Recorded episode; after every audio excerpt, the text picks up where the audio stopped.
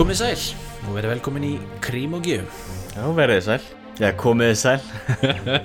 Já, hörðu, þetta er uh, við erum eftir hér í, í, uh, í hlaðvarp það er um, þáttu nummer 8 sem við erum að tapja hér í dag og, og um, fyrir þá sem er að uh, koma að við tækjónum í fyrsta sinn þá er Krím og Gjöf þáttur um, um ja, hlaðvarp um, um sagfræðileg málefni við ræðum allt milli heimins og jarðar sem, sem, sem, sem við kemur því efni og Já. um, já, og í dag eru við Ólafur um, búin að ákveða það við ætlum að tala eins um þjóðverja Já. Er það ekki? en ha- Jú, me, me, meðal annars. En hann- Meðal annars.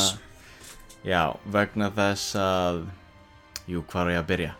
Mm, Ég, hérna, var að lesa nefnilega þetta skemmtilega bók núna um daginn sem heitir Teutonic Unity, A Basis for Peace, eftir mann sem hétt Ernest Xavier Cox.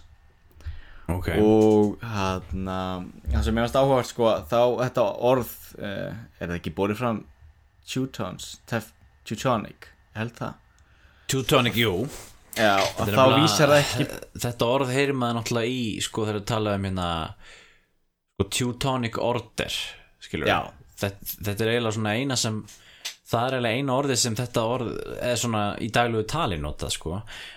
Já, En þetta er náttúrulega sama rót og orðið sko, sko Þískaland eða Mm. veist Tískland skilur það, já, er, það er ekki þú veist German heldur Tísk eða Þísk sko þannig kemur það samstofna með þessu Teutonic orði. Algjörlega, já. En hann en síðan sko upphálega er þetta er þetta ættbólkur germanskra ættbólkur sem hann uh, réðst á uh, Róm á sínum tíma.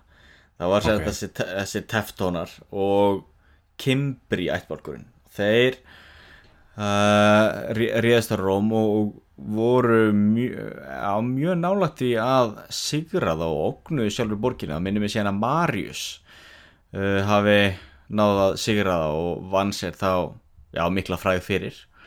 Og hann til að bjargvættur Rómar. En síðan er bláhort Kimbriar, eru þeir frá eru þeir ekki frá Jótlandi? jú, og teftónarnir eru líka frá Jólandi Já, ok. Þannig að sko sumir hafa verið að nota þetta hugtak þá uh, Teutonic yfir alla þessa germönsku ættbólka. Já, já, já, þetta þá afkamundur þessara germanska fólks. Já, Það er líka svolítið áhverð, það er líka eitthvað sem maður heyrir alls ekki mikið talað í dag sko, menn er náttúrulega í sögun sakfræðinni eru svona voðalega að halda sér frá því að vera sérstaklega kannski að horf einbrýn á sko sögu þá german eða teftóna eða kelta og slafa þá stóð að vera að skipta þessu Evrópufólki upp í kynþætti. Já, ok. Eða já, þú veist menningarsvæði eða hvað er. Það er eitthvað sem er alls ekki vinsælt. En það er eh, þó um, sterk rauk fyrir því að, að, að, að, einhverju leiti allavega að líta á þetta fólk sem uh, fólk sem á sameilt upp af eins og, eins og eða, horfðilans bara tungumálin. Uh, slafarnir í dæmis koma frá sama svæðu þetta er náttúrulega náskildin náskild skild tungumál. Og Já, það sem við tölum náttúrulega slavnest tungumál við tölum um germansk tungumál. Já, en Og þá- við að fyrir ekki að sko en þú, akkur, akkur notar ekki bara veist sko germ, um, áttu við að, að, að þessir teftónar mm, sem er þá tjú, orðið tjúton á, á ensku já, að það sé not að það sé hálfgert samheiti yfir alla germanska ættbálka. Það, að þá eigi að nota orðið þetta orð frekar heldur en sko orðið sko germanskir ættbálkar.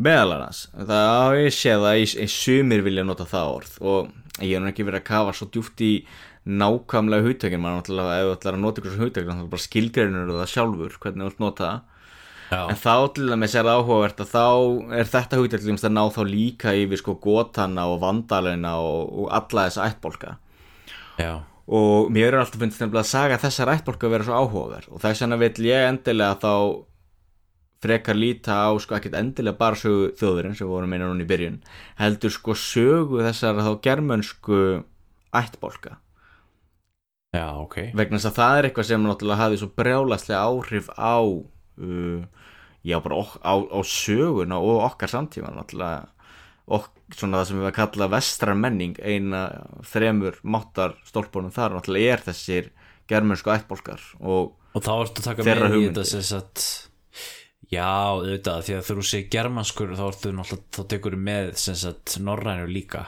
Já, já, þannig ég myndi taka sko, þannig þegar þú segir tefton þá ertu að tala um bara þýsku er rauninni sko, það sem er í dag Þýskaland Já, ég mynd, Já. þegar ég tala um Tefton þá myndi ég vilja líta hugtæki það opið sko, þú tekur með líka Norður-Frakland og Niðurlönd og Engilsaxa og, og slíkt en, en eru það ekki bara germanir? ég myndi líta bæði sem svona samheiti bara Ah, ok, en síðan náttúrulega er svolítið munur að ég veit það ekki hversu mikið hefur rætt um það það getur vel verið einhverju sem er mjög ósamála og vilji tólka þetta teftónska hugtak mjög þröngt og bara nota það við þjóðverja. Já. En það náttúrulega held ég að verði líka svolítið vanda, erfitt í gegnum söguna því þú veist hvað nákvæmlega hafa verið þjóðverjar. Þú skilur. Jú, jú, ég skil, já, já. En hérna, já, við förum aftur í þessa bók sem þú ætlar að nefna. Já, en það Þú er nefnilega sko þarna, það sem er náttúrulega áhört við hana og það, já, það er náttúrulega verið maður að hafa uh, hugsin það líka að hann, hann var þekktur kynþáttahattari svo sem skrifaði bókina. Já, já, ég nefnilega gíkti að hann svona mann þegar þú varst að segja mér frá sér Já. bóka og þetta er náttúrulega ykkur, bara ykkur algjör rasisti, sko alveg þvílíkt en hann mm, ég er nefnilega fann þessa bók í gegnum það að mér finnst svo áhugaverðar þessi þessar tilraunir manna til þess að endur vekja heiðni. Og það eru ákveðin sko fjölu það er held ég að rúngild í bandaríkjónum uh, þar er hann einn aðlitögu þessi maður sem heitir Stephen Flowers. Hann kallaði sig Já. líka hvað uh, Edrid Thorsson held ég hann kallaði sig líka. Og sá já það er mjög finn, það var eitthvað fynd, fyndina en hann mm, hann er með doktorskráðu í uh, ek- í miðaldabókmyndum held ég og Ok. er mjög satt virkur og hefur verið að kenna við háskóla í bandaríkjana þannig að hann er ekki bara einhver hvað að segja, einhver svindlar út út á götu okay. En hann sér að vísaði í þessa bók og það sem mjög aðalega áhugavert við henn að þú veist, jújú, jú, þetta náttúrulega sem kynlóta þetta er þá náttúrulega hefur þessi maður það er ákveðin ástæða fyrir okkur að hann vil skrifa bókina og hann dreymir um að allir hvítir saminist í eitthvað sko, sko stórríki og vinni saman. Já, já.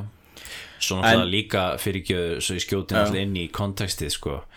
Þessi maður er náttúrulega uppi á sko fyrirluta eða miðbyggt 2000-aldar Já, hann já. dó hann kringum eitthvað 1960 eða 70 Já. og hann var náttúrulega ekki bara kynþátt ekki sko, hann var náttúrulega líka nazisti bara. Jú, jú, hann var það þannig að hann var náttúrulega mjög hrifin af þjóð, þýskum nazistum og, Mm. og svo og þannig kemur kannski þessi þýski áhugi en svo er hann náttúrulega líka var hann líka viðriðin eh, ameríska nazista Já, og nýnazista og hann sem þetta var í sambandi við hann George Lincoln Rockwell sem var stopnandi og, og formaður bandarska næstaflokksins já, og en líka þessi maður náttúrulega barðist fyrir aðskilnaðastefninu í Suðuríkjónum já, já, en ekki það, þú, en það sem sko uh, og þetta eru ekki eitthvað hugmyndir sem ég uh, stend, stið, en það sem ég samt áhuga vert við bókina er það sko þessi þessi sín þá, hann kýst á að líta á söguna sem sko ákveðna svona tragedíu þar sem þessar bræðraþjóðir, germanska þjóðir er í stöðugri baróttu við hver aðra já, og það er raunum svolítið áhugaverð svona þýsis eða sín að líta á þannig vegna þetta náttúrulega eru þjóðir sem eru náskildar þjóðverjar og, og engilsaksar til dæmis, þetta eru náskildar þjóðir eh, og, hafa, og það er náttúrulega áhugavert líka að veltaði fyrir sér sko þá af hverju uh, ríki sem eru svona náskild hafa svo sameiginlega sögu ímsuleiti að þau berjast síðan svona grimmilega gegn hvort öðru í þóttilegumins fyrir og setni heimst, heimstyröld en þá getum við líka velt fyrir okkur dæmis, uh, Danmörk og Svíþjóð er ekki Danmörk og Svíþjóð þau tvö lönd sem hafa uh, oftast farið í stríðu hvort annað held ég 11 sinnum. Jú, jú, þú getur líka auðvitað sagt það að, að í Afríku ertu með hérna, alls konar þjóðir sem eru mjög skildar og, og eru alltaf í stanslösu stríði og það er og þú ert með Papua New Guinea ertu með hérna, uncontacted people sem er að í stanslösu stríði sko. Þannig Já, en ég myndi samt segja að það var annað að öðruvísi Það ertu með þess að ættbólka samfélag Ættbólka samfélag er svo rosalega blóðugt og hefur verið allstaðar og skiptir ekki máli hvar það er sko. En það orðinlega er líka þú veist, ver, áhugavert svona að veltaði fyrir sér sko uh, til dæmis ef já þessar eurósku þjóðir eða þessar germansku þjóðir hefði þá betur geta allir með staðið saman. Og það er allir með stað sem að þessi maður var að dreyma um þá að, að allar þessar germansku þjóðir og nýlendur þeirra það Ástralja og Nýja Sjálfland og já. nái að sko mynda þá sameinlega heild þá á móti öllum skil. Og, þetta, og þetta er náttúrulega líka svo áhugaverð hugmynd vegna þess að sko í dag í okkar samfélagi þá uh, er vill maður kannski bara kasta þessu strax til hlið og segja að þetta er bara einhver hvað var að segja, bara einhver, einhver rasisti á fyrirluta 20. þurfum ekki að hlusta á hann. En það sem er nefnilega svo skeri í dag að þessar hugmyndir held ég eru svolítið að fá byrjundi báða vangi Já, að því þú sérð þú veist, á, þú veist það eru umræðar á netinu og það eru ákveðna svona hreyfingar í Evrópu og, og náttúrulega þessi populismi er náttúrulega líka svolítið að já, ekki, ég ætla ekki, ekki allir populismi en þú veist, hluti á hann er alveg gæla við svipar hugmyndir og vegna er svolítið, finnst mér mikilvægt að maður átti sig á, á því að þessar hugmyndir séu til og þá ræði þær. Já, já, algjörlega. En, en hérna um, að sko uh, ég hvað ætlaði nú að segja?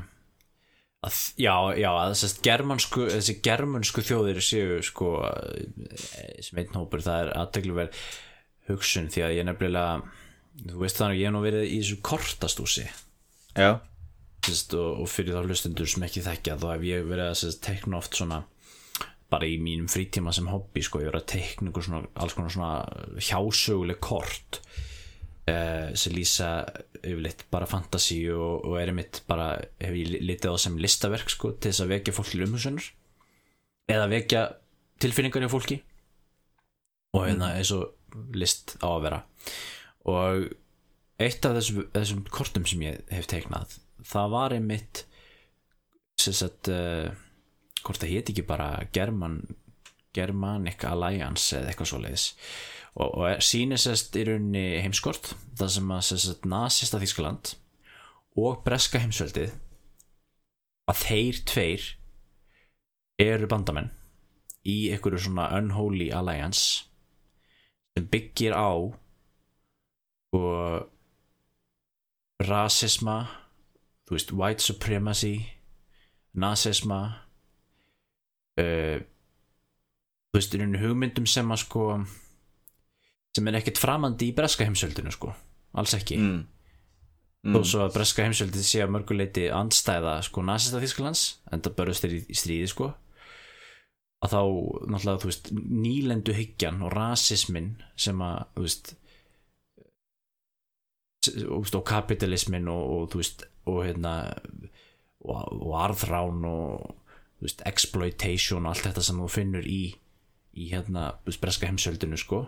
Finnur þú líka í nazismannum eða í þú veist Þískalandi nema bara gagvart á slöfum eða rússum eða eitthvað svo leiðis mm. í grunninn kannski svipaðar hugmyndir.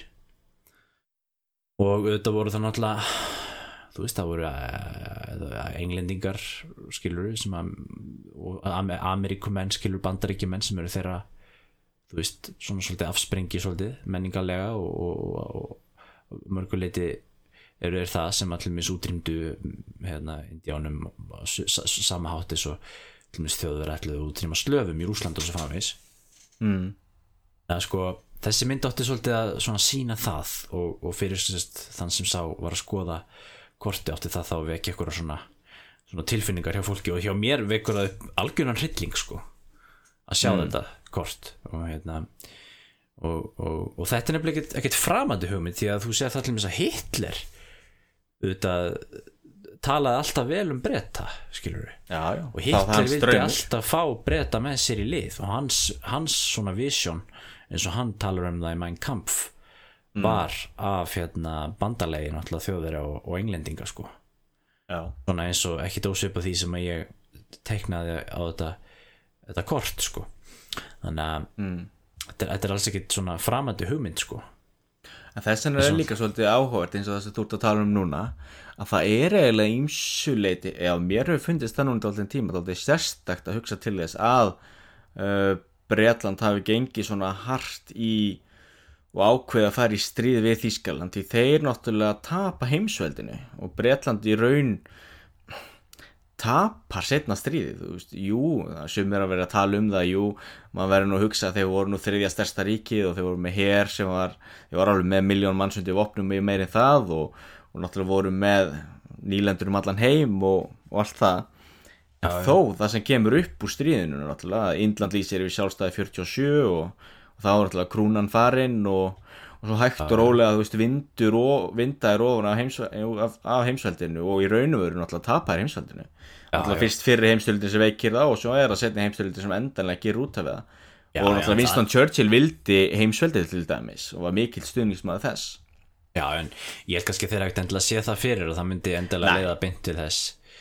En svo ertu Það líka er með þetta hérna, sko sem sýnir náttúrulega auðvitað er þetta eins og þetta kort. Auðvitað er, er það absúrt, skilur vegna þess Mm. að breytar eru og þjóður eru höfuð anstæður og það er náttúrulega auðvitað vegna þess, eða fyrir ekki breska heimsveldið og hérna nasista Þískaland eru höfuð anstæður þetta, þetta börjast vera banaspjótum. Og hérna og það er þá kannski líka vegna þess að sko auðvitað breytar auðvitað mátu sko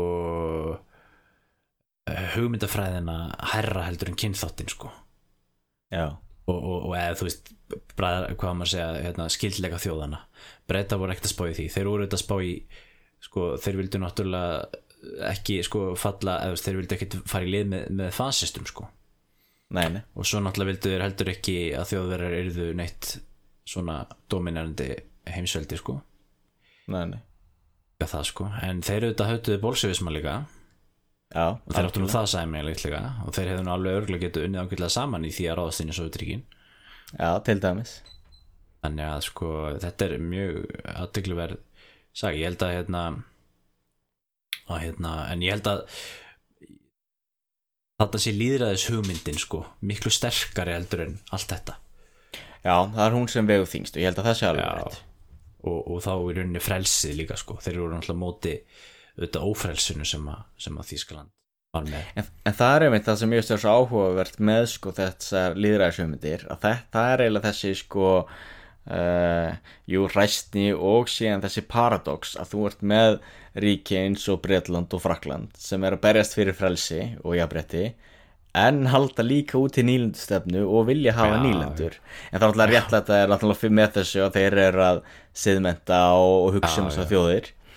En það er samt svo augljóst að auðvitað hlýtur hinn þarna lógiska hinn lógiski endir hlýtur áallt að vera svo sá að þú gefur nýlendunum frelsi eins og síðan Já, gerðist.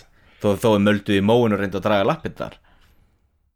Já, já, en svo er alltaf spurning líka hversu mikið hversu, þú veist ef þú- leðast hvað menn voru að skrifa á þessum tíma þú veist ka- þú veist 1900 og eða segjum, þú veist, já, 7. 8. áratögnum þeirra sjötta, þú veist, þegar Afrikulönd til þess að voru að fá frelsi og svona voru, voru breyta til þess að berjast með kjaft og klóm gegn því voru þeir ekki oft bara frekar svona líbó og Jú, í reyn þegar þú ert komin þangað því að náttúrulega mikið hans í nýlendur náttúrulega voru bara byrði fyrir, fyrir Bretland En svo náttúrulega með öðun önnur löndu þetta eins og Portugal til mis og Frakland uh, og Belgíu sem áttu miklu erfiða með að sleppa takkin á þessum nýlendum. Ég held til í öllum portugalsku nýlendunum uh, Mosambík, Angola sko, voru einhvers konar blóðsúttellingar tengdar því hvernig þeir fóru sko. Þeir börjast mjög hatramlega og það er einmitt og hérna er ekki Salazar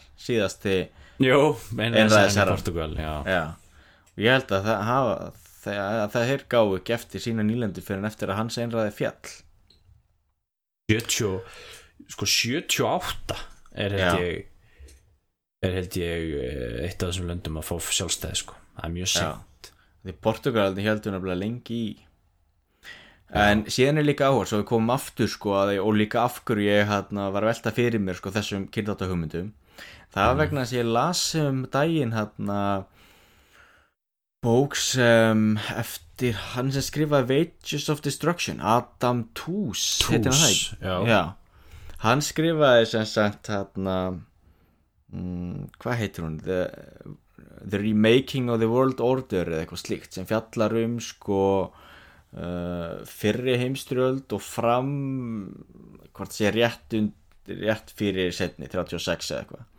Þá er hann mikið að tala um hann Wilson fórseta bandaríkjana og þá er hann einmitt að draga fram sko heimildir og benda á það að stór hluta því af hverju hann, hann Wilson ákvað að taka þátt í stríðinu og draga bandaríkin inn. Það var einmitt líka til þess að hann viðhalda hvíta kynþættinum stoppa stríðið og koma í vekk fyrir það að uh, völd hvítra myndu veikjast of mikið. Því hann leit náttúrulega leita á þetta á fyrir heimstöldira sem svona uh, bræðrastýrið sem myndi aðeins koma kínverjum og öðrum til góða.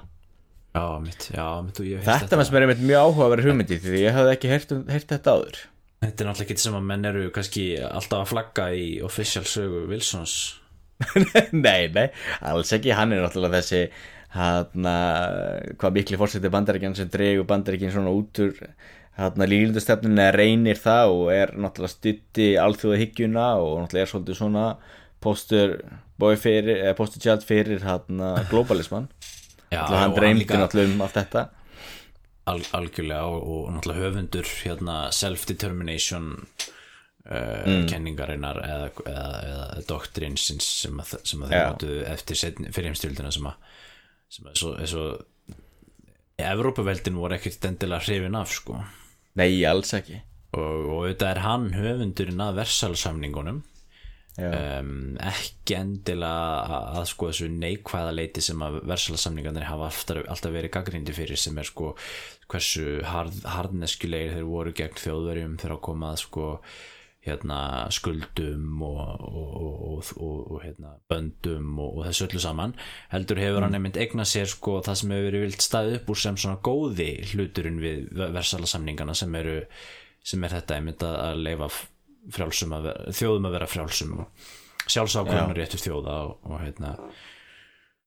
Og það er auðvitað í því umhverju sem líka ég menna þú veist Ísland fær fullveldi þó það sé auðvitað ekkert beina afleðinga af því að sjálfsög ekki en það er samt sko bara svona á því tímabili sko þetta er, þetta er svona hvað maður að segja þetta er, þetta er tíðarandin já, já, algjörlega. Og var ekki, ég, var ekki hluti af því af hverju Ísland fekk uh, uh, sjálfstjórnina einmitt vegna þess að Danir voru að reyna að fá land tilbaka frá þjóðurum Var það ekki? Því að Danir fengur hluta af Norður Þískland já, já, auðvitað, já. Danir þurftu náttúrulega auðvitað sko þá náttúrulega þetta sína list. fyrsta þá náttúrulega voru Danir aldrei neitt eitthvað sérstaklega mikið á móti að Íslinga fyrir sjálfstæði. Þeir voru ekkert að berjast neitt hattramlega gegn því. En, en það er auðvitað, það er alveg rétt held ég að að alltaf á sama tíma og, og hérna, Íslingar er að fá fullveldið að þá náttúrulega eru Danir að, að, hérna, að reyna að fá aftur hérna, Norður Slesvik Já. og það var nákvæmlega byggt á hugmyndum Wilsons um sjálfsákvörnaréttin Mm. að það var að vera að segja sko að lefum fólk að kjósa hvort, hvar, hvar þið vilja búa sko uh, og, og, og það náttúrulega hefði ekkert passa fyrir Danir þeir ætluðu að fara að vera eitthvað nei við verum að halda Íslandi hérna undir okkur sko á sama tíma og en ég held að það hafa aldrei verið neitt inn í myndinni svo sem. Næ En það er nú nýjatkomnar uh, tvær nýjar bækur um, um hérna fullveldi sem sögufélagi var ekki út sem að uh, var gefið út í fyrra til hérna, hérna 100 ára amæli fullveldsins og það er nú alveg þetta örglegt að lesa og hérna fræðast um, um þessa sögu betur Já, en taldu Wilson þá náttúrulega og fyrir heimstyrildinu þetta náttúrulega þurfum við að koma aftur að með breyta og þjóðveri og svona að hérna já það er líðræðið skilur og inn í því helst og þessist þar um sérst akkur, akkur breytar voru svo miklu anstæðinga þjóðverja sko. Og vildu þetta ekkert heyra, heyra minnst á eitthvað bandalag við þjóðverja eins og Hitler vildi í Mein Kampf. Mm. þá er það náttúrulega ekki bara líðræðishugsjón en heldur, heldur líka og, og, og, frelsishugsjónin heldur líka bara þeir voru þetta bara með sko gott established uh, bandalag við frakka og bandarækjumenn í fyrir heimstyrildinni sko. Sem að, sem að þeir voru auðvitað ekkert að fara eitthvað auðvitað alltaf draga bandaríkjarmenn sér svolítið út úr því. Alg, og alltaf mjög mikið eftir fyrir heimstildinu, alltaf fara með þessu úr þjóðabandalægin og allt sko. já, já. en breytar og frakkar heldur alltaf sko treyð öll millistrisárin sko. já þið gerðu það en breytar og frakkar ef þeir hefði fengið að ráða sko, þá hefði ekkert endilega það er ekkert víst að við hefðum séð Austuríki og Ungverjaland sko, splittast svona mikið upp það var vi- vilsonísk grafa sko Já En það er líka, þú veist, þessi að það hafa þyrka út Austuríki og Ungverland var ekkert eitthvað Já, maður horfir svona heilt að myndina þá var það ekkert eitthvað endilega það sniðast því þú náttúrulega bjóst til miklu minni samfélög sem voru ekki alveg ja, lífvænleg og þú náttúrulega settir skyndilega upp uh, tolla og landamæra á milli uh, landbúnaðasvæða sem framleitu fyrir yðnaðasvæðin og skyndilega voru kannski kólanámurnar sem stálveri þurfti á að halda í öðru landi þannig að þú braust rosalega upp verslun og síðan alltaf bjóstu til fullt af smáríkjum sem alltaf eru þau síðan auðvöld bráð fyrir, fyrir Þískalandi setja heimstyrildinni Já, algjörlega náttúrulega, algjörlega þú, þú, þú, þú, það er oft fyrir að tala um það að þetta land, sko, Austurík Ungurland var, var svona barriér sko, milli Þískalands og, og Rússlands sko, og þú varst náttúrulega búin að taka það út og þá eins og þú segir, þá gá- gátu þeir sko skipt austur Evrópu bara upp á milli sín rússar og, og hérna, þjóðverða sem að þeir svo þetta gerðu 1939 til 40 eða 41 En það er að þannig Þannig líka í að- dag í raun og veru að hana, Balkanskæðin er undir hælnum á Þískalandi og er alveg háður Þískalandi Ah, ég... undir hælnum er nú kannski svolítið Ok, ok, strátt akkur- til orða að tekja því að, að því að Evrópusambandið er náttúrulega fyrst og fremst sko bara um frjálsviðskipti sko Er Þannig það? að- Þegar að hérna til dæmis þjóðurinnir eru náttúrulega búin að vera að pressa mjög á gríkina til dæmis að skera niður allavega þjónustu og, og reyna að já. minka útgjöld. Og náttúrulega þessi ríki horfur á svo mikið Þísklands og þú sér það líka til dæmis á því að hérna, ég var að sjá það núna yfir hérna Duolingo sem er vinsalt forrið til þess að læra tungumál.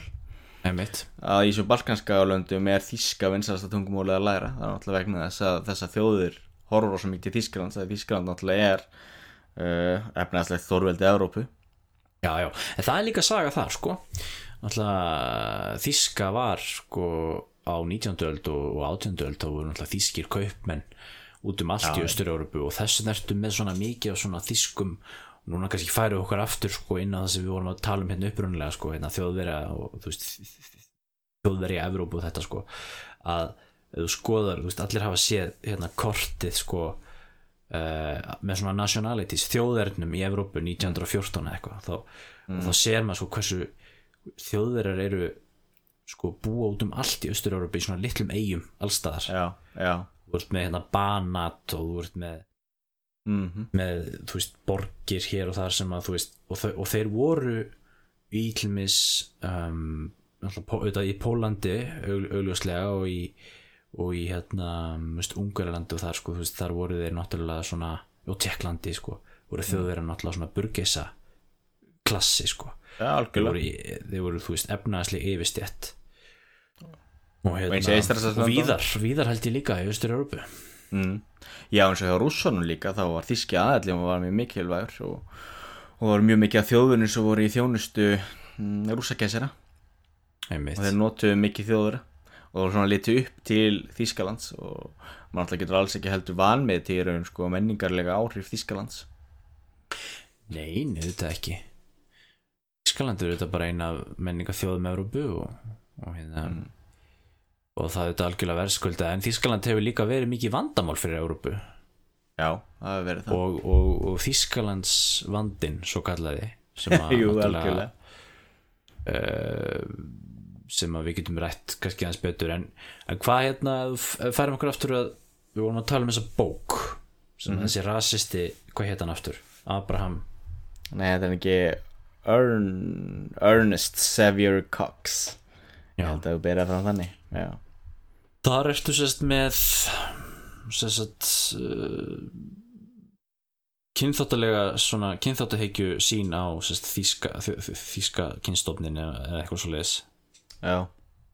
Því þá er hann sko líka tala um það hvað þetta sko teftónska germanska element uh, er mikilvægt fyrir alla söguna. Því þá náttúrulega er hann ekki bara að horfa á uh, þá Germaníu og Skandinavíu heldur hann líka að tala um sko eins og þess að ættbolka eins og langbarðarna sem lögðu undir sig hana, Norður Ítalju og Lombardi og hann er eins að tala um frankana sem fara inn í Frakland og vísigotana í, á Spáni já, já. og það er dæmis áhugavert að þú sérð það í dag að þar sem að þessir germönsku ættbólkar uh, tóku uh, eða sem að settluðu og, og tóku yfir landsáða mynduð ríki að það er tölverið munur á þeim og öðrum sæðum, til dæmis bara Ítalíu í dag að það er alveg himinn og hafa mellir Norður Ítalíu og Suður Ítalíu já. og þá er hann mikið náttúrulega að tólka sem svo sko að það sé þetta germanska element sem hann mikið keirir áfram uh,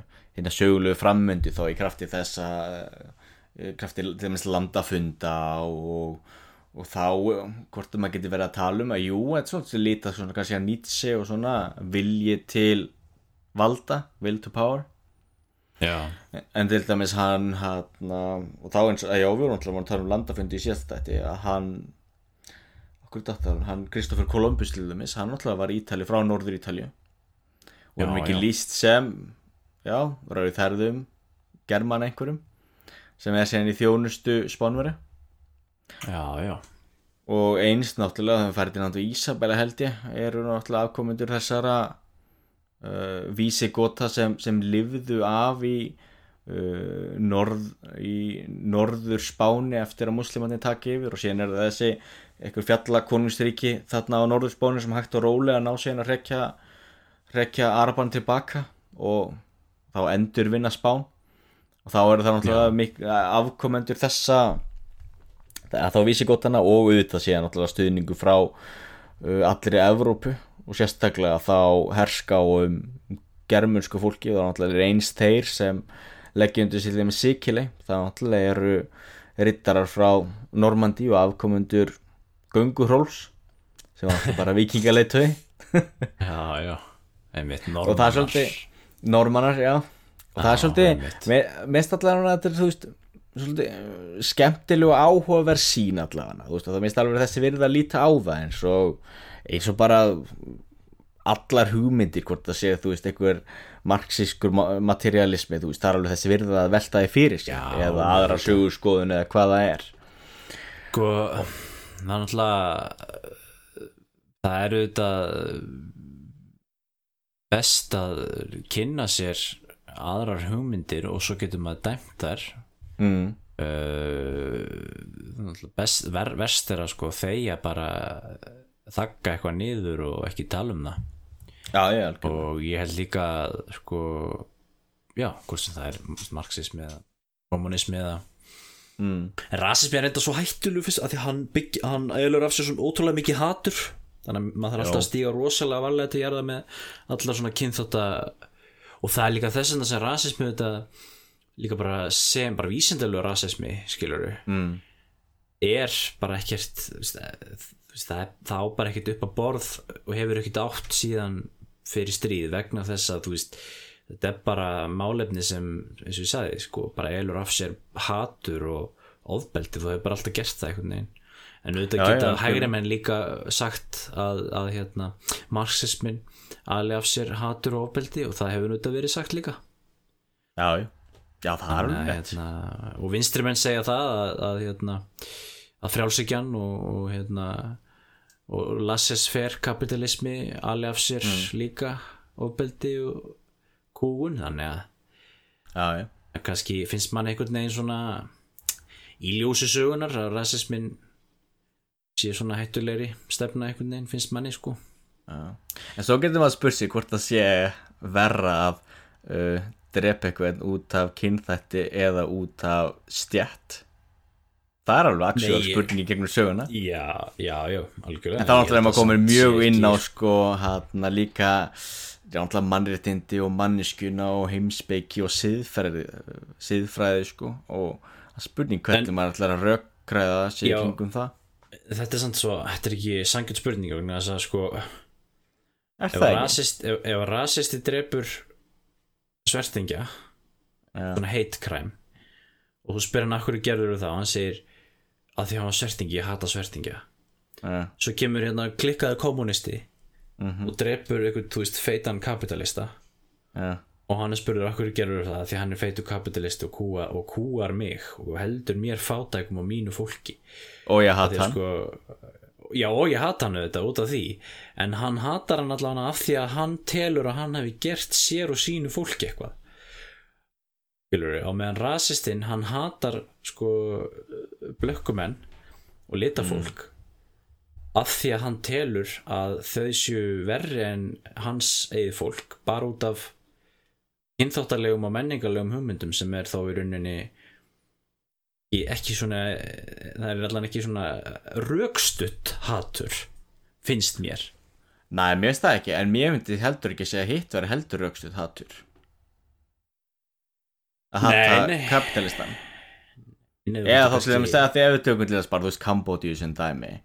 Þú Já. veist, að það draumur um að koma á uh, landbúnaðarsamfélagi og uh, hatur náttúrulega gegn þá auðvaldinu, kaupmönnum og hann svona borgarstjættinni þú veist.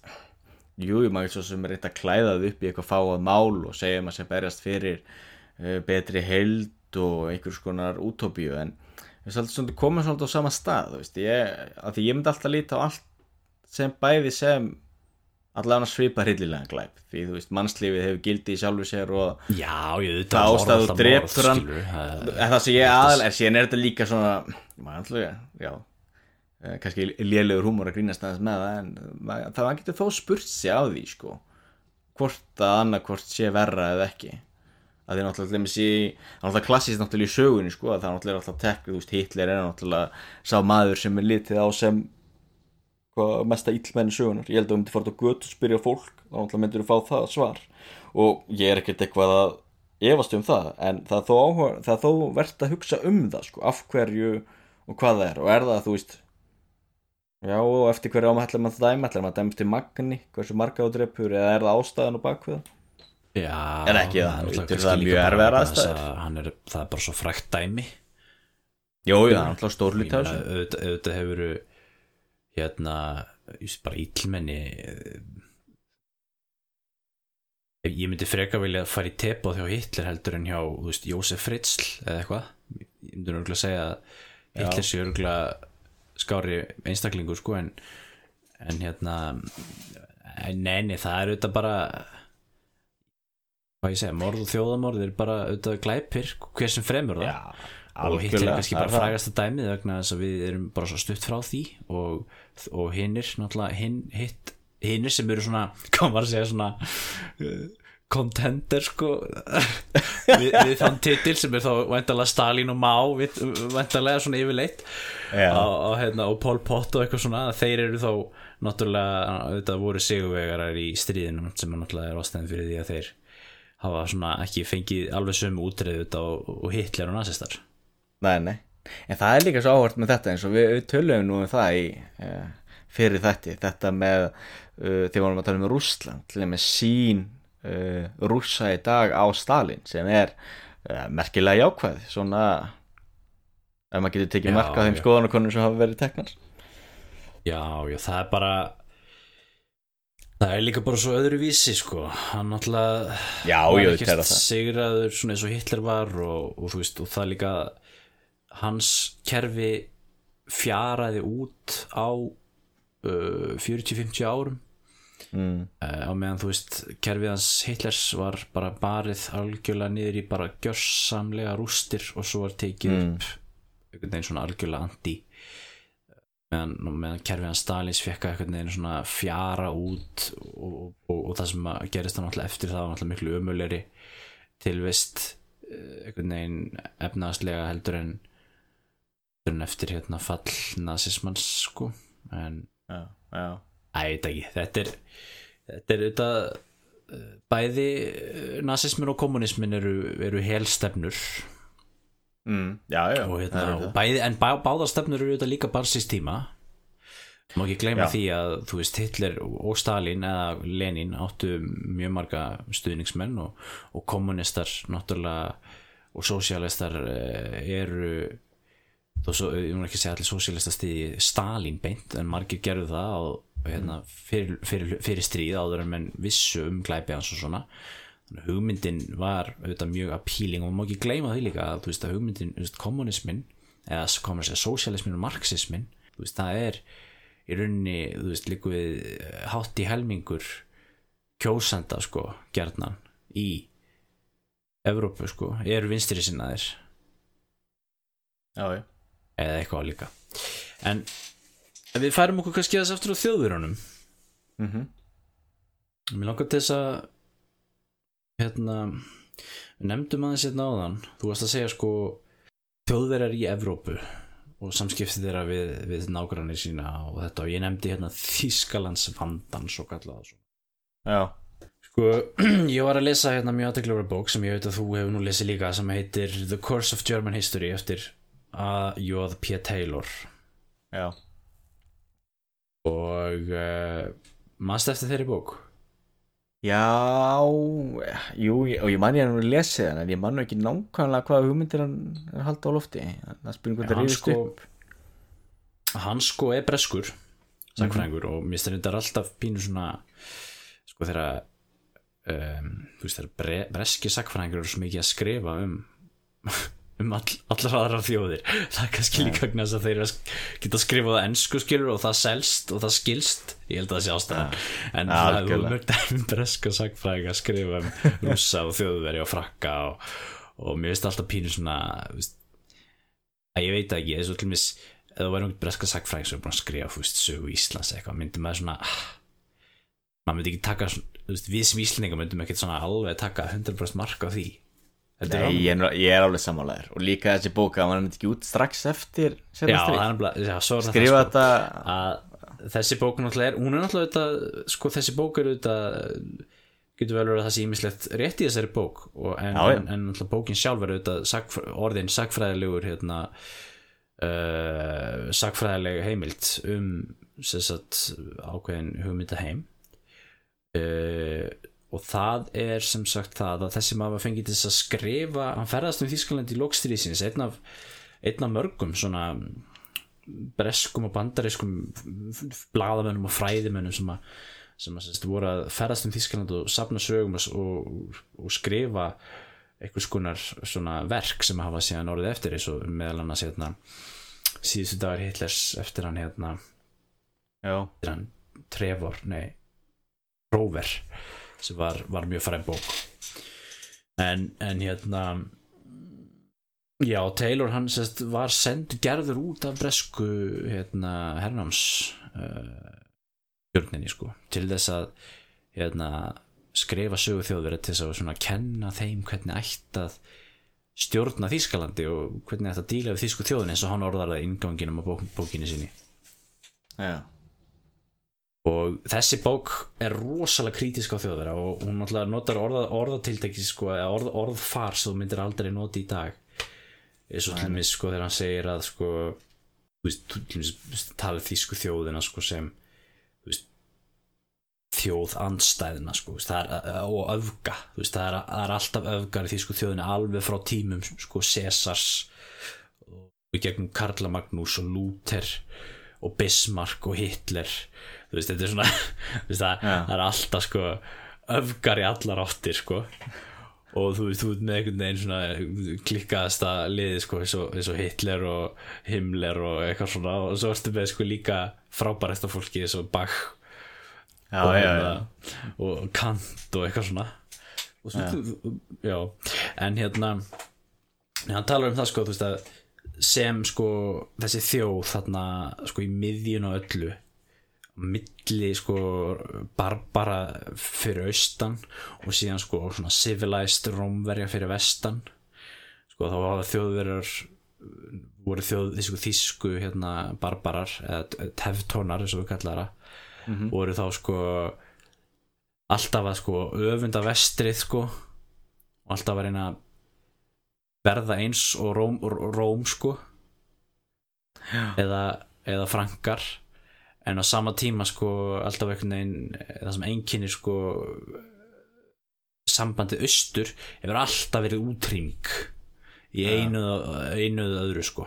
Hvort sem það er hérna þegar þeir eru að kristna uh, slavana eða hvort sem það eru jungerar að hérna, stjórna pólskum ánöðabændum eða, eða það eru sko, þjóðverið í Lebensrám að allt sambandi alltaf austur eftir einkynist alltaf sko, algjöru kún og helst sko, extermination.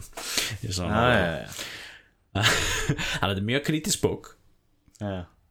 hérna, og, en þetta eru, þetta eru ákveðin skólar þetta, í, í þýskri hérna, historiografíu sem þú hefur náttúrulega heyrt um eins og Sonderveg Mm. uh, hérna kenningin sem alltaf gengur út að þú veist að menn hafa alltaf verið að reyna að finna út úr því sko, reyna að útskýra sko þýst svona peculiarity eða þú veist af hverju þýsk saga er svona öðruvísi heldur en saga vestursins já. og þessi bók er svolítið innlegg í það því þannig er, er höfundurinn á mjög krítiskan hátt að draga fram sögu þjóðverða sem sko rauninni nazismin er í rauninni svona epic finale sko eða þú veist hvað maður að segja hrun, sko sjálfsmórs Hitlers í rústum Berlínar með 6 miljón gýðinga hérna í uh, látna er svona epic finale af þessari þessari sögu þjóðverða frá frá tímum Cæsars Já, og já, hérna, enda þarna sko. En það er náttúrulega skrifið 1944-5 sko. Já, ég veit Alltaf mjög þá litið af því. Emitt Já Því meira sem ég lesi í sög, sögunni þá verð ég alltaf skeptiskar og skeptiskar út í þessa söguskoðun.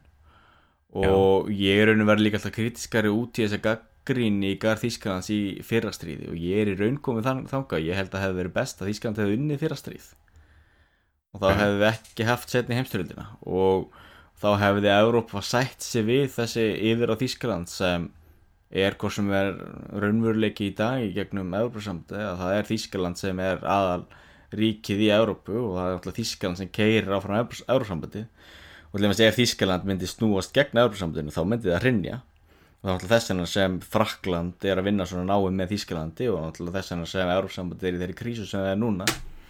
Og það er náttúrulega vegna þess að þú ert náttúrulega með þetta stóra ríki þú ert með þetta stóra efnahagskerfi sem er náttúrulega aðar er náttúrulega bara vélinn í Evrópu sem keirir uh, megin efnahagsvöxt og, og stöðuleika þannig að allir með þetta setja er samt svo samsæriskenningarlega hérna, sko, nálgun þú veist þýsk, það er ekki svo sko, ef að Þýskaland hefði unni setni heimstyrjuna ja, þá væri svolítið verra heldur en bara eitthvað Evrópubankin að byggja Grikki að hérna að sko minka ópeinbjör útgjöld sko, það væri það væri alvöru hegemóni skilur það, það væri, við varum að tala um þjóðverjar fyr, sko, fyrir og setni heimstildinu voru að sækjast þetta eftir sko alvöru yfir á þeim. En það Ekki voru, ekki, þeir ekki. Þeir höfðu ekki frjáls viðskipti að, að leiðaljósi svo Evrópusambandi er náttúrulega fyrst og fremst líðræðis og, og hérna, líðræðistofnun og, og hefur frjáls viðskipti að, lið, að leiðaljósi sem er náttúrulega í grunninn vestræn innan gæsalappa eða bresk og amerísk eða sérst anglo-amerísk pet project sem að síðan hefur smittast yfir allan heiminn og Evrópusambandi er já, já, já. En, að, það sem ég á við er að Þýskaland sem hefði unnið fyrir heimstyrjöld hefði endað á svipum stað og, og í dag það hefði verið ekki líðræði nema hvað að þessi sammenninga Evrópa hefur bara gengið hraða fyrir sig og hefði ekki verið nándanari á blóðu. Því að þú ber samanlega Frakland og Bretland á sama tíma þá eru þetta ekkert eitthvað ríki sem eru brjálæslega mikið líðræðisleir heldur en Þýskaland.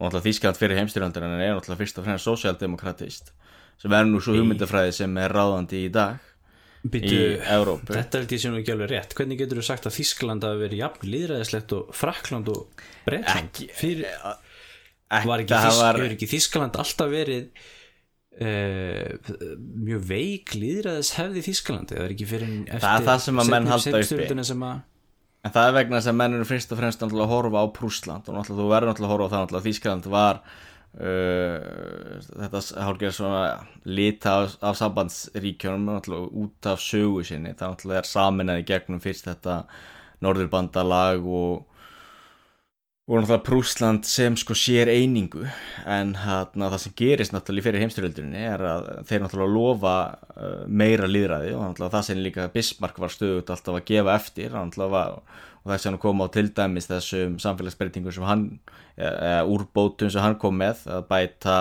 kjör verkafólks.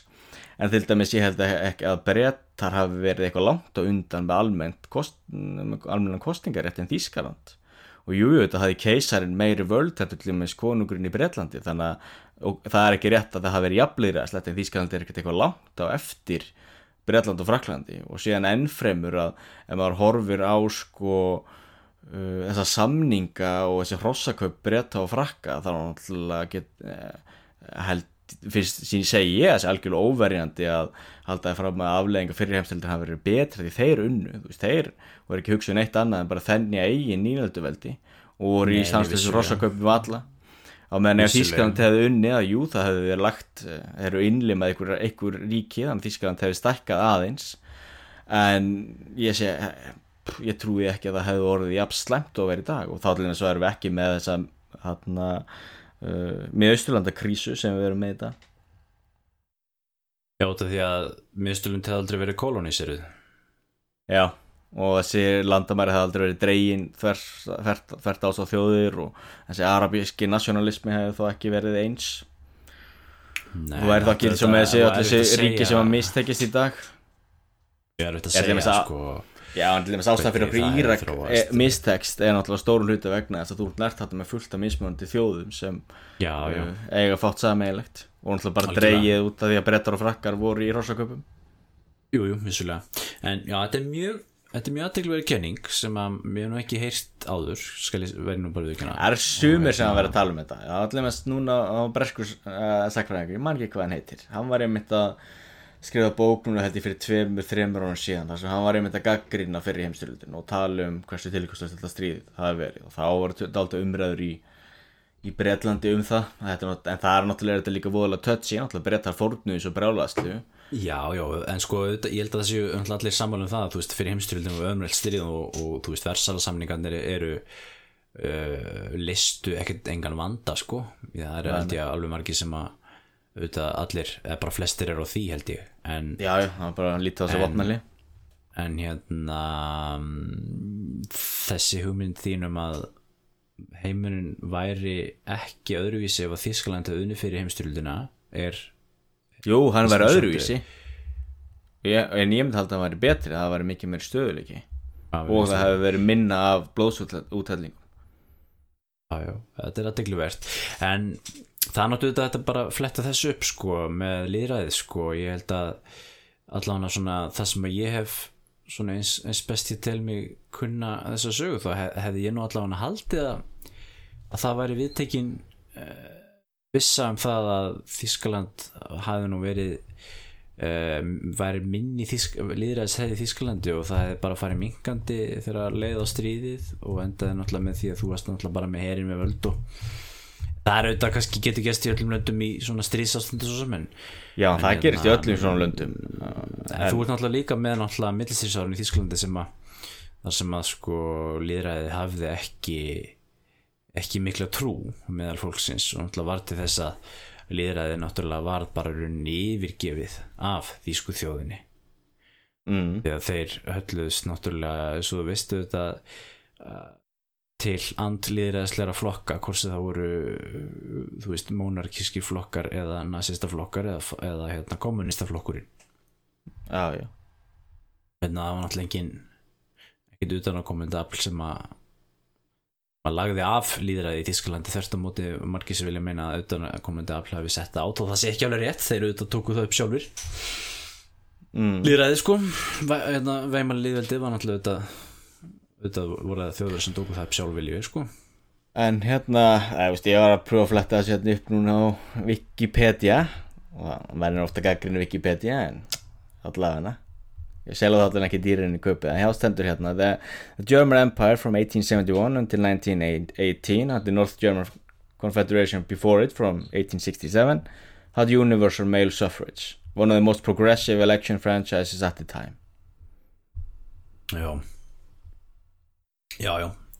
Þetta má örgulega ræða þetta en sko þessi, klass, ég, en þessi klassíska sögu sko en hún náttúrulega her, hefur líka held ég verið svo lituð að gaggrinn út í Þískaland og þess vegna verið að sko jafnvel að sko í, líta enn fremur á þá þess að neikvæðu hlýða Þískalands og þá það er hlýða það sem að líðræði stóðveikt eins og allir í Prúslandi ég veit að í Prúslandi náttúrulega var uh, líðræði mikið veikara heldur en öðrum hlutum Þíska uh, Þíska ríkisins og prúsnarnir, náttúrulega jungararnir náttúrulega reynda að draga lappirnar svo að gátu.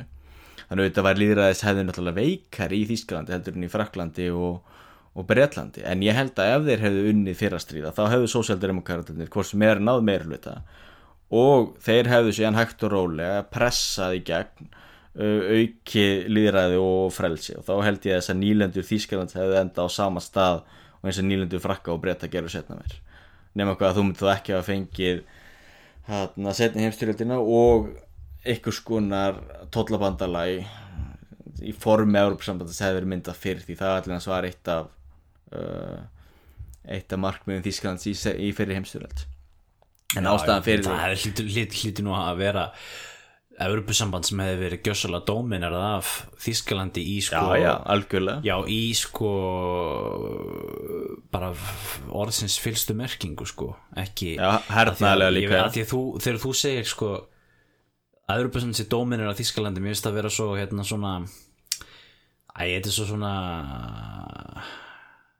sérskenningalegt eitthvað en, en ég veit alveg hvað þetta fara með að efnast og það þessu sterkasta efnas kerfið og svona og, og hérna, evran. Það er þá svolítið svo að segja skilur að við séum dóminuruð af bandaríkjónum eða eitthvað af því að þú veist, af því að við erum mjög sterklega undir þeirra efnags eða við séum dóminuruð af Europasambandinu í gegnum veist, því við erum háð verslun og svona við Europasambandi Já, við náttúrulega erum það, við náttúrulega tökum upp allt sem Európa-sambandi ekki samþykir Getum Já, en það er samt ekki þannig að Europasambandið er að þvinga okkur gegn okkar vilja til þess að gera eitthvað skilur við Nei, ekki en, nei, ekki en þá En það náttúrulega er það ennþá. náttúrulega Európa-samband Nei, ok, en Nei, en Európa-samband er að þannig, vinna að því að þannig stopna líklega ef að, Európu ef að sko eitthvað einveldi mm. hefði sko komið til með að dominera Evrópu í formi sko Evrópsamband sem væri dominera undir þj- þj- þjóðverum eins og, Já, eins og þú ert að ert að benda á. Myndi Já, ég halda. En það er kannski ekki það er kannski up for debate Nei, ég myndi halda að það hann Taylor hann myndi nú hann myndi nú ekki taka undir það að það hefði verið hérna, mikið liðræði segði í Þískalandi því að Nei, alls ekki. Alls ekki. En hérna þetta er ju með hérna Sonderveg. Mm. og því að það er stundum sko það er svona central þema í eins og ég segi í þýskri sagnarétun og hérna það er menn að reyna að sko útskýra þú veist hvernig og já hvernig stendur á því að, að hérna Þískaland varð ekki vestur? Og það eru náttúrulega þessi svona vest svolítið svona, þessi svona eurocentrismi sem við myndum tala um líka sem er að þú veist, mið alltaf alltaf við og Bretland sko.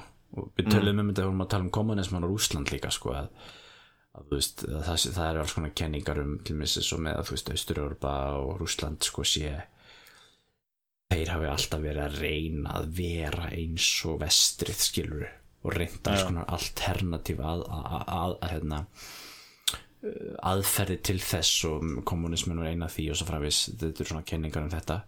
Mm. og hérna og mér finnst Sondervik sko oft benda þetta sko það, það, þar eru þjóð, þíski sagfæringar ofta að spyrja sko af hverju var Þískaland ekki eins og England? Það gaggrinundu Sondervik hafa bent á það að þú veist að að hérna Þískaland var ekki eins og England vegna þess að Þískaland og England eru tveir mismundu hlutir mm.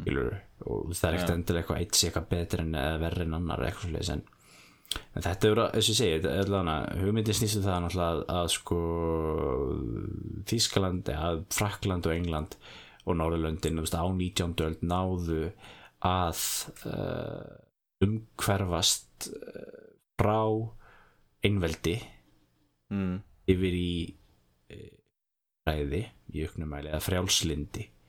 Já. og, og, og það sem fylgdi því frálsverslun og svo leiðis og hérna og svo hefði Þískaland sko ekki, að einhver stöðar á leiðinni þá tókst þeim ekki að gera þetta en uh, þeim tókst sérst ekki að taka upp sko moderniseringu á hennu pólitíska sviði. En þeim tókst í staðinn moderniseringu og, og bara með mjög miklum árangri. Nútímavæðingu á sko hennu teknilega sviði og eðnaða sviðinu sko Já.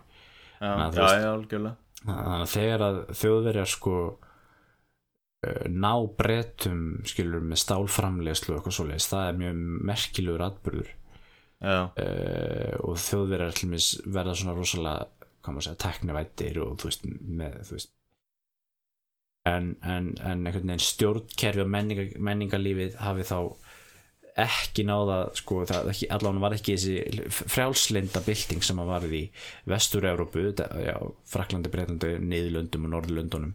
Og kannski einhverju liti Suður-Európu, ég skal samt ekki segja ég held nú ekki.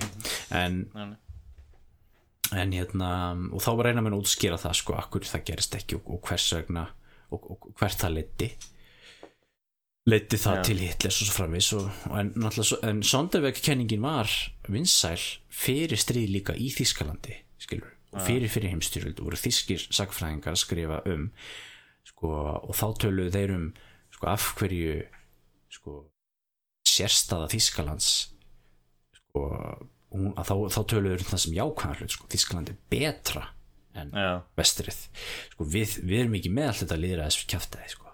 Við erum Nei, ekki með þetta frjálslindis nei, og nei. ef við erum samt líka betri en rússar við erum ekki með hérna, tsarismann og, og, og þú veist, þetta ömul, ömulega eh, þetta, þetta orientalíska keisaradæmi sem er í Rúslandi og við erum líka laus við þetta uh, populíska kjaftaði í Þískalandi, nei, í Fraklandi og Englandi. Nei, já. þannig töluðu þíski sagfræðingar á 19. öld margir Já, síðan eftir setna heimstyrjöldina fóru þíski, sagfræðingar náttúrulega að tala um sko Sonderveg sem sko þá böl af því það Já. leiddi til til uh, sjálfsmórs Hitlers í rústum Berlínar já, já, algjörlega En þetta er líka sögurskóðun sem er bara svo hvað að segja, svona teleológisk að þú ert búin að ímynda þér og ég, ég segja að menn hafi ekkert fyrir sér í því að halda þér fram að, að við líðræði og frálsendi sé endilega það besta stjórnarfyrirkomulag sem allir er eftir að komast fram til á endanum. Að það sé einhver svona lógískur endapunktur sögunar ég er nefnilega að vera alltaf skeptiskari út í það. Og það er náttúrulega Fukuyama sem við tölum um. Jú, það er nefnilega hann. Og ég var svolítið svona Jú, minnst ímislegt heillandi við þessa hugmyndir og ég er svolítið, minnst Heigel mjög spennandi. En ég held nefnilega að þetta að sé ekki þannig. Og þetta sé þess vegna svo erfitt að að halda einhverju svona framvegn og sér það í heiminum í dag þá eru hvað meiri þ- flesta þjóður í dag? Já, velja í mest besta falli einhvers konar hálf volt líðræði og kannski ekki er og alveg það Þetta er alveg rétt hjá þér og þetta er mjög góð punktur ég nefnilega, þegar ég voru að lesa þetta einn daginn um þessi, um um kenningu með Sonderveg og Já. hvað er normal þeir nota orðið normal og hann Já. Taylor nota líka orðið normal sko. Já. af hverju gæti ekki þjóðverið að vera normal já, já, og, og, hérna, og, og, nota þessi orð sko, hérna, peculiarity versus normality þetta er svolítið aðdegluvert og þá auðvitað getum við að spyrja hvað hvað er að vera normal? Það er ég meina það er auðvitað þannig að hann náttúrulega Fukuyama myndi kannski segja að þetta sé normalt sko. Já, og, nazismin og kommunismin og, og allt þetta voru bara deviations og leið til normality. Já, en hérna, ég nefnilega kíkti inn á uh, kíkti aðeins tók smá, ta, saman smá svona mannfjöldatöluragani já, árið 1900 að þá byggu cirka 100 miljónir í vestur-Európu pluss Benelux pluss Norðurlund sem er þá þessi vestræna, segja frjálslindu, frjálslindi hluti Európu á þessum Já. tíma. Já, það eru 100 miljónir en svo þú tekur sko Austuríki, Ungarland, Rússland Evrópa hluti Rússlands uh, Þískaland uh, og Balkan Skagan með. Mhm, þá eru þeir sko 200 miljónir og ef þú bætir Suður Európu og Ottomanveldinu við þess, þessa summi þá fyrir 285 miljónir já, þannig að þeir eru sko já, þeir eru helmikið fleiri að mannfjölda allavega þeir sem eru Já. þá illeb- illiberal já, já, í staðin fyrir sko þeir sem eru liberal þannig að maður getur spurt sér þetta hvað er normalt já, já, algjörlega. Og séðan líka eins og sérst að menn er að nota Frakland í, í þess, í, sem einhver svona dæmi því er ekki núna sjönda eða áttunda líðveldi í Fraklandi þú veist, líðræði saga, saga Fraklands er mjög svo stormasum og þeir hafa líka verið hallir undir einræði. Já, eins og bara Napoleon og, og síðan Napoleon þriðji og, og eina ástæðan fyrir því að náttúrulega af hverju einveldi í Fraklandi fjalla náttúrulega vegna þess að Frakland og brotið á bakaftur og líðveld og hérna einræðið uh, afnumið eða steift og, og líðræðið komið á. Ekki ósöpum því sem gerist í Þískalandi og menn ég held að sko saga Bretlands er frekar sérstök en þá sé hún sko mikið afleiðing uh, kannski þessara svo komum við tilbaka að því þessara germönsku ættbolka og, og svona þinghugmyndir sem held ég hafi haft áhrif á uh, lénskerfi sem, sem hérna, þróaðist í Európu eftir fallar Rómaveldis og síðan náttúrulega þetta hennar rosa viðbyrju í sögunni þegar að hérna, aristokratið í Breitlandi rís upp og þvingar uh, konungin til að skrifa undir Magna Carta sem er náttúrulega svona stjórnarskrá Breitlands og síðan er alltaf þessi common law hugsunaráttur breyta sem er ráðandi á meðan þá að uh, að Evrópa sjálf eða meginlandi er miklu litar af þessum rómörska rétti og alltaf gæla við ykkur svona keisari hugmyndir en ég held sko að þessi þetta er líðræði bara sem myndi breyta er eitthvað sem þeir sko spila alltaf hátt og gera alltaf mikið úr og, og finnst alltaf sjálfsagt á meðan það er ekki sjálfsagt. Það er til dæmis í ef við horfum til þess að Austurasjö í dag Singapúr til dæmis, þeir eru ekkert að gæla við eitthvað svona fráslindi og, og mikið líðræðu eitthvað þannig. Það, þeir hafa verið mjög uppteknir af meintu lög og reglum og mjög stramt og mjög loka samfélag. Þú til dæmis verður með mistargráð til að geta flutt til Singapúr þeir takk ekki við neinu læra eða mis já, Suðkóra, þeir náttúrulega voru líka undir einræði lengi framan af. Það er náttúrulega bara svona fyrst síðastlina áratugi sem þessar, þessir hérna Four Tigers er ekki kallað það hafa verið að Jú. taka upp meira líðræði en þetta er svona þjóðir sem er ennþá mjög lítar af öllu þessu. Og líðræði náttúrulega er einu hugmyndafræði sem á mjög erfitt uppdráttur um allan heim.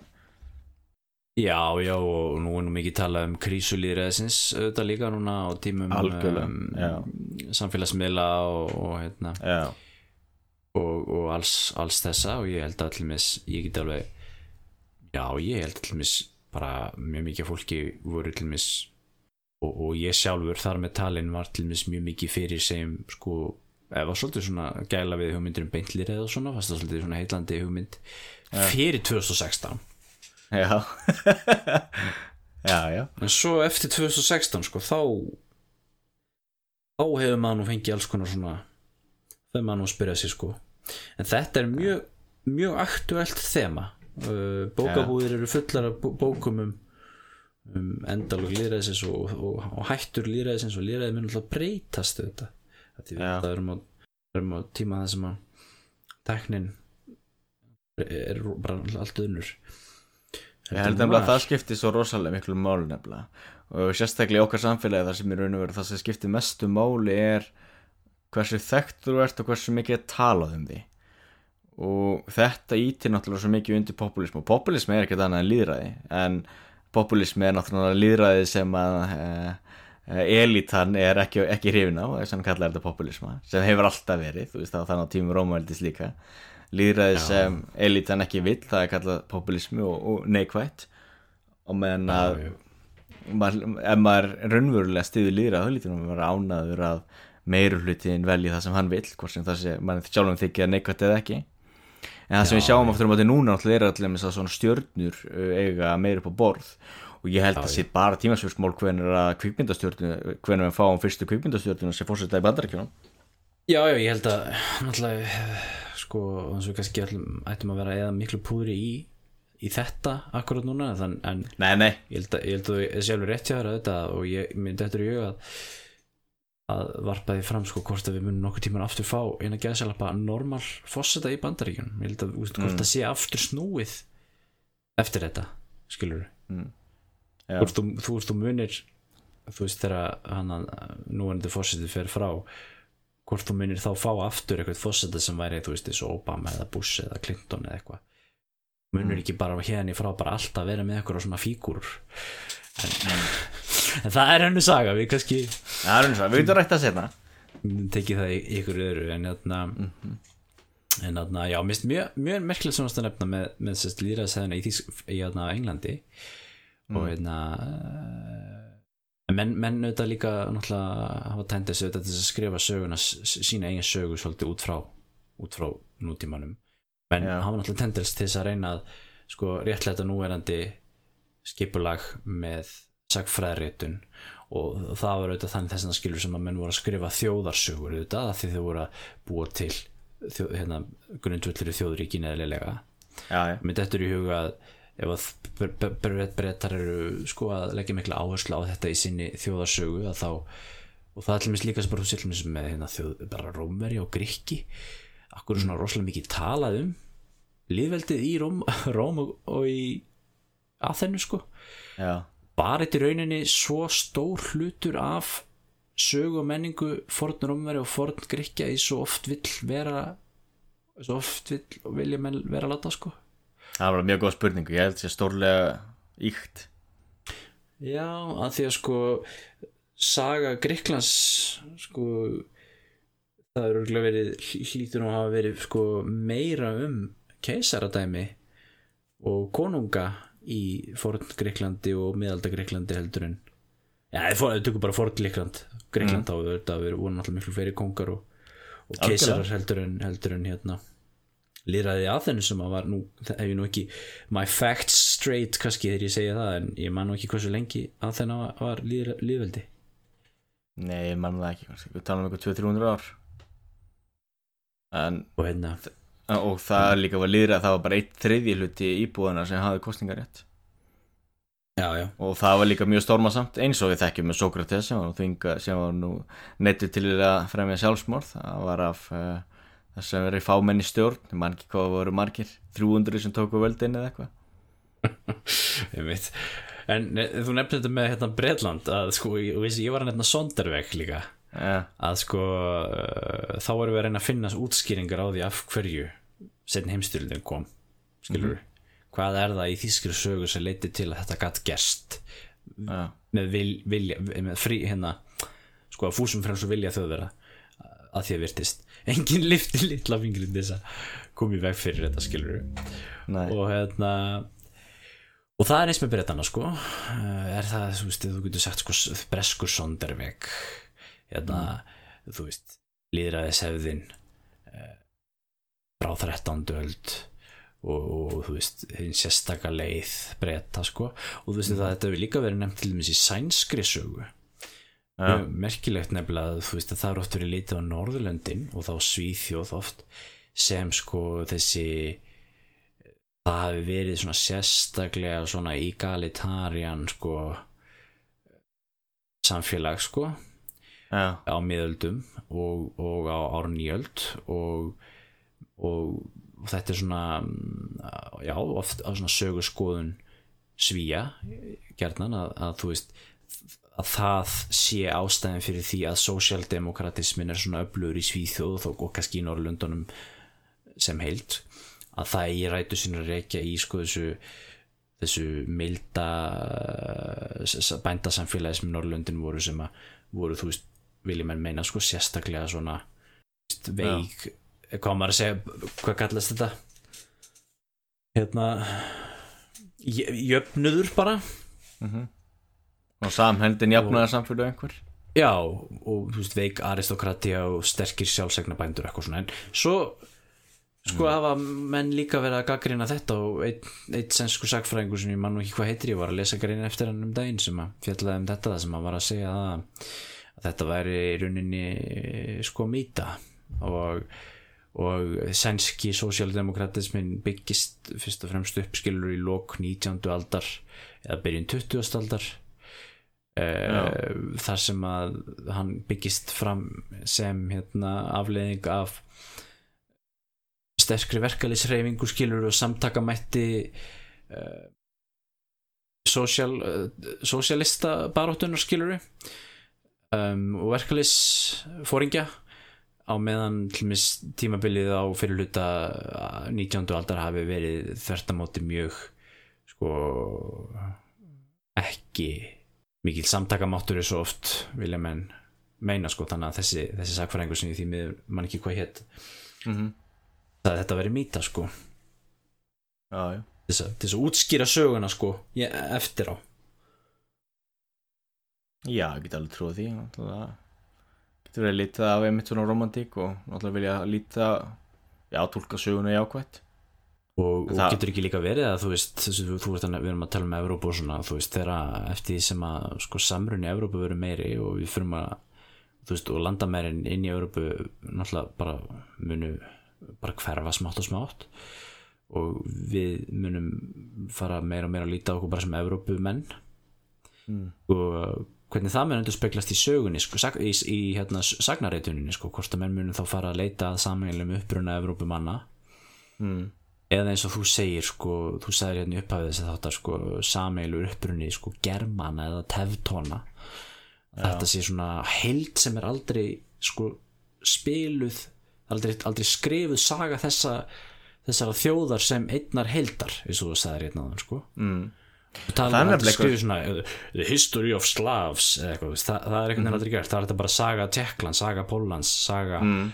Slovakíu skilur En þetta er nefnilega þetta áhugavert nefnilega að við getum veltið fyrir okkur því að eftir því sem við uh, færum okkur lengra frá setni heimstyröldinni og eftir að það er kynsluða sem upplýði setni heimstyröldinni hægt og rólega að deyja út og, og þessi hana, svona neikvæða merking þessar orða eins og germani og teftónska og germanst og svona þetta er náttúrulega svo lit þessar kynþáttahyggju.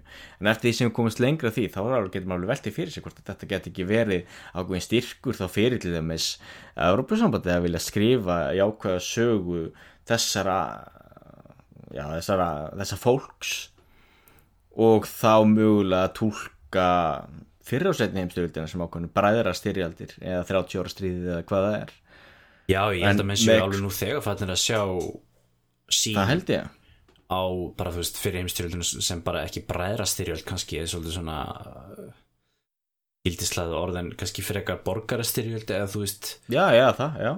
Já og hérna það er auðvitað eftir því sem þú fer að líta meira og meira á Evrópu sem ykkur svona heild sko sem að á þá sér sammeila sögu. En ég held samt að ef ef evróski sagfræðingar alltaf skrifa sögu german eða eitthvað þá væri það líka eða veist þá, þá væri það alltaf auðvitað út með söður-európumenn latverja sem að eru náttúrulega, náttúrulega þá, þá væri það að vera þú veist, splitta Evrópu sko upp í tvent Já, auðvitað hluta til, en þú getur náttúrulega líka að tala um það hvernig þessar germansku þjóður náttúrulega blöndust þeim saman og mynduðu nýja þjóður þannig Ítalíu og Frakland og þetta er eins og það að frankarnir tapa sínu germanska máli og, og tala, taka upp rómans tungumál sem náttúrulega sýnir þá mikið hversu mikil blanda var þar eða þá til dæmis slavan og þú ert að tala um rús og, og Rússland og þetta náttúrulega eru germanskir uh, vikingar sem eru að fara þarna eða skandinavar, hvað hugtæku vilju nota.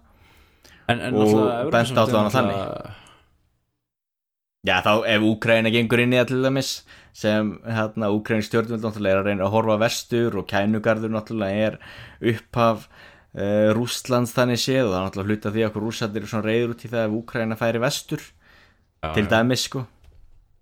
En slavar þá sem svona hópur þeir eru þeir eru náttúrulega splittaðir í tvent náttúrulega Já. með vesturslafa vísislavíu og Já. júgóslavíu Já. þeir eru allir í Evropasandinu eða er á leiðinni þangað skilur Já, eftir já. 50 ár verður allir konur þangað.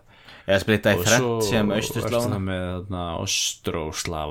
Austurslafa þeir, þeir eru það ekki eins og Rússland Úkra, og hérna og Hvítarússland þú nefnir Úkraina en Rússland og Hvítarússland er nú væntalega ekki að fara í Evropasamði kannski hverju Nei, eftir nei. 50 ár sko en Nei, nei, það er einmitt náttúrulega stærðin á Rússlandi náttúrulega er já, stór hluta því af hverju þeir geta ekki hugsað þeir að verða þangað inn.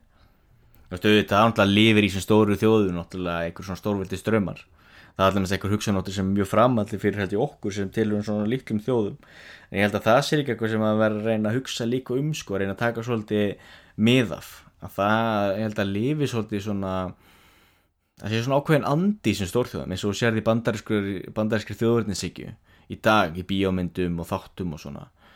Þetta held ég eitthvað sem vorum framandi fyrir okkur en, held, en þetta lifið mjög stert í Rúslandi held ég og, og er svona ákveðin hindrun fyrir því náttúrulega þeir gangi neður sambandi en þegar menn voru sem bjartsinast til náttúrulega voru ykkurir sem dattaði hug á sínum tíma þegar svo þetta er ekki fjallu Rúsland náttúrulega líka bara svona ég held að Rúsland sé líka bara núna og Rúsland er stjórnað af fólki sem er bara af kaldastýriskynsluðinni mm.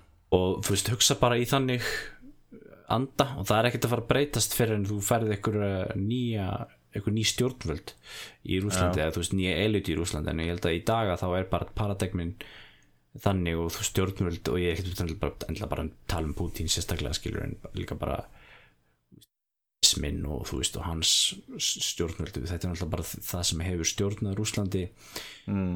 í 99 og svo undan því náttúrulega Jeltsin sem auðvitað er náttúrulega bara barn Sovjetríkjana algjörlega og, og þú veist það þarf að verða eitthvað svona, svona kynnslóðskipti í Rúslandi áður en þeir geta áður en þeir munu kannski verða eitthvað kynnslóðskipti í Rúslandi og þeir vilja Ólmir komin í Európa-samöndi, það getur verið, hver veit, 50 ára mm. Þá verður þá allan góðu grunnir til að skrifa ykkur svona samgermanska sögu. Breyta paradigma. Okkarlega, herðu. Erum við ekki bara að fara að vera góðir?